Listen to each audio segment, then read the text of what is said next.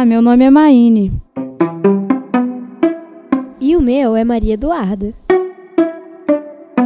Esse é o podcast Biblioteca de Avós. Um podcast que tem o objetivo de desvendar as histórias dos mais velhos daqui da nossa comunidade, Castelinho, Vargem Alta, Espírito Santo. No episódio de hoje, vamos entrevistar Olides.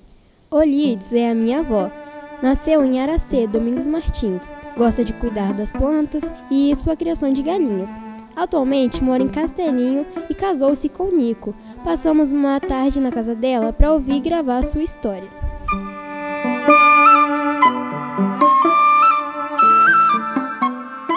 Quem fala sério, né? Por que, que você escolheu eu, Maria? Vó, qual que é o seu nome completo?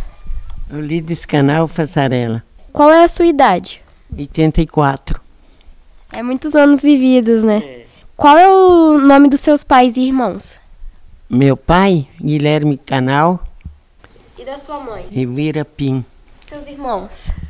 Olílio, José, Gildo, Lisínio e Nilson, Quando e onde você nasceu? lá em, em Aracê, Domingos Martins. Você viveu muito tempo lá? 25 anos. É, você veio pra cá quando você casou? Pra cá quando eu casei. O seu marido era daqui? Era daqui. E vocês viveram muito tempo juntos? É, até ele falecer.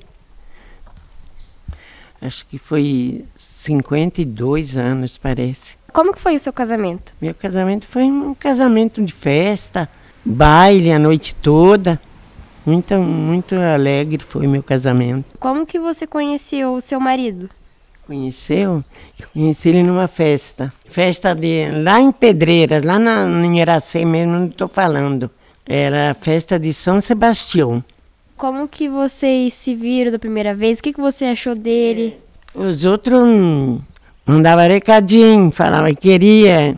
Eh, a gen- eu não queria. E aí foi, a gente foi se conhecendo assim. E o primeiro beijo? Ai, eu nem lembro mais. ele era um rapaz muito bom. Ele era de igreja aqui.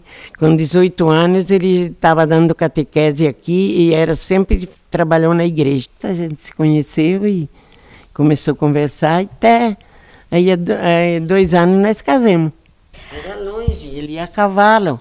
Era umas três horas a cavalo que ele ia para lá, lá em casa. Que tipo de coisas você fazia junto com a sua família quando você era jovem? O que, que você fazia com eles? Trabalhava na roça, tirava leite, tinha muito porco, tinha muitas hum, galinha. Você gostava de brin- brincar de alguma coisa quando você era criança? Eu gostava de a roda, gostava de futebol, jogava futebol. Era na escola que a gente fazia isso tudo. Falando que você veio aqui para Castelinho quando você casou, como que era Castelinho antigamente? A Castelinho só tinha umas, umas vendas aí meio velhinha. Só não tinha quase nada, só tinha a passarela que tinha aqui no Castelinho. Aí, nessa casa, você sempre morou aqui? Eu morei com a minha sogra e meu sogro três anos. Depois eu fiz uma casinha aqui de tábua, vim morar para cá, depois nós fizemos uma casa aí. Quantos filhos você tem atualmente? Tem seis. Um, só que um falecido, tenho cinco agora, e uma de criação, que é seis. E você tem alguma história de quando você era jovem que você lembra bastante? Eu era jovem, nós ia muitas festas, nós viajava a cavalo, era mais a cavalo que a gente ia, mas a gente se divertia muito. A gente só ia a cavalo mesmo, se não ia a cavalo, ia a pé. O jovem, no dia de hoje, eles não, nem acreditam o que, que a gente fala. Eles acham que não é verdade que a gente fazia isso tudo. Sempre gostei muito de festa, mas sempre assim, a gente, dia de hoje, a pessoa vai em festa, não se comporta muito bem, né? A gente se comportava sempre, brincava muito. Quando você era jovem, com o que, que você trabalhou? Eu trabalhava na roça, tirava leite, cuidava das criação, fazia de tudo. Nos dias atuais, você gosta de fazer alguma coisa específica? Você gosta de cozinhar, cuidar das plantas, fazer coisas do tipo? Dia de hoje, é, o que eu faço é isso aí. Sempre gostei. tem que gostar, né? Aí, mas a senhora gosta de cozinhar? É, Você cozinha Cozinho para os meus filhos todos, eles comem quase todos aqui. Como sua neta, eu posso falar que você faz uma polenta e uma e um macarrão com galinha. E o que, que você tem a dizer sobre isso? Todo mundo gosta dessa polenta, dessa galinha. Todo, todo mundo fala da minha polenta, minha galinha. Qual o segredo da, do macarrão que você faz, da polenta, da galinhada?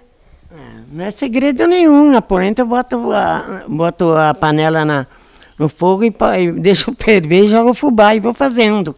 Macarrão também. Macarrão de casa que eu faço é. Boto ovos e água e espicho macarrão. Quando você era jovem, frequentou alguma escola? Tentei até o quarto ano. E como que ela era?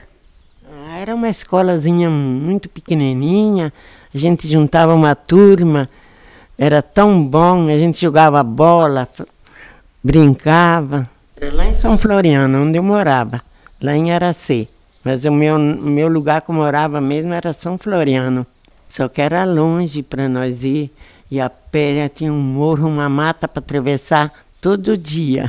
E a gente nunca largou e nunca desanimou da escola.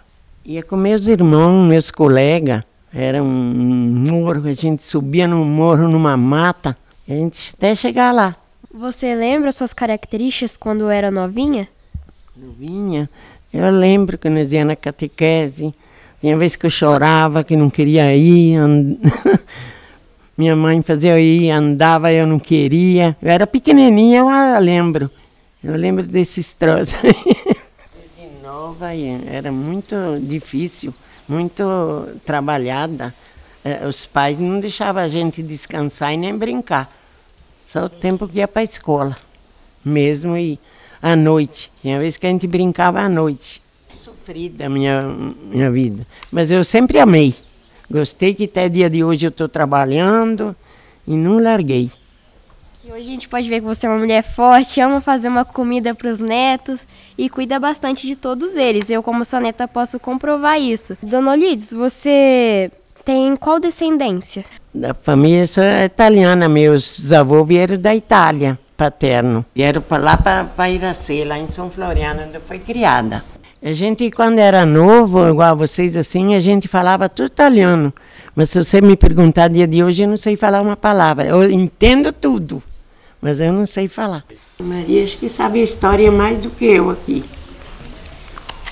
Maria, essa Maria. É, eu fui criada aqui. E você lembra alguma história minha, eu como sua neta, de convivência aqui?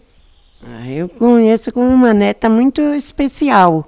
Sempre criou lá, se criou lá com a minha filha. E ela é muito legal, eu sempre gostei dela, é muito legal ela.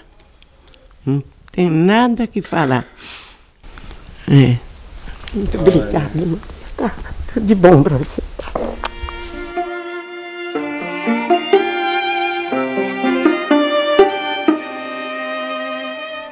Esse podcast foi produzido por alunos da EMEB João Domingos Fassarella, Cris Rian da Silva Campos, Dominique Rosseto, Eduarda Andrade Falcão, Kaique Lúcio Santana, Luana Nunes, Marlon Arthur Barbosa Bueno, Maria Eduarda Fassarella, Maine da Silva Vieira, Nicole Aparecida da Silva Lopes, Pietro Tavares e Raíssa Vitória Coelho da Silva. Agradecimentos, EMEB João Domingos Fassarella. Diretor Paulo Rogério Soares. Coordenadora Rosa Amélia Rosseto. Andréia Cláudia Oliveira.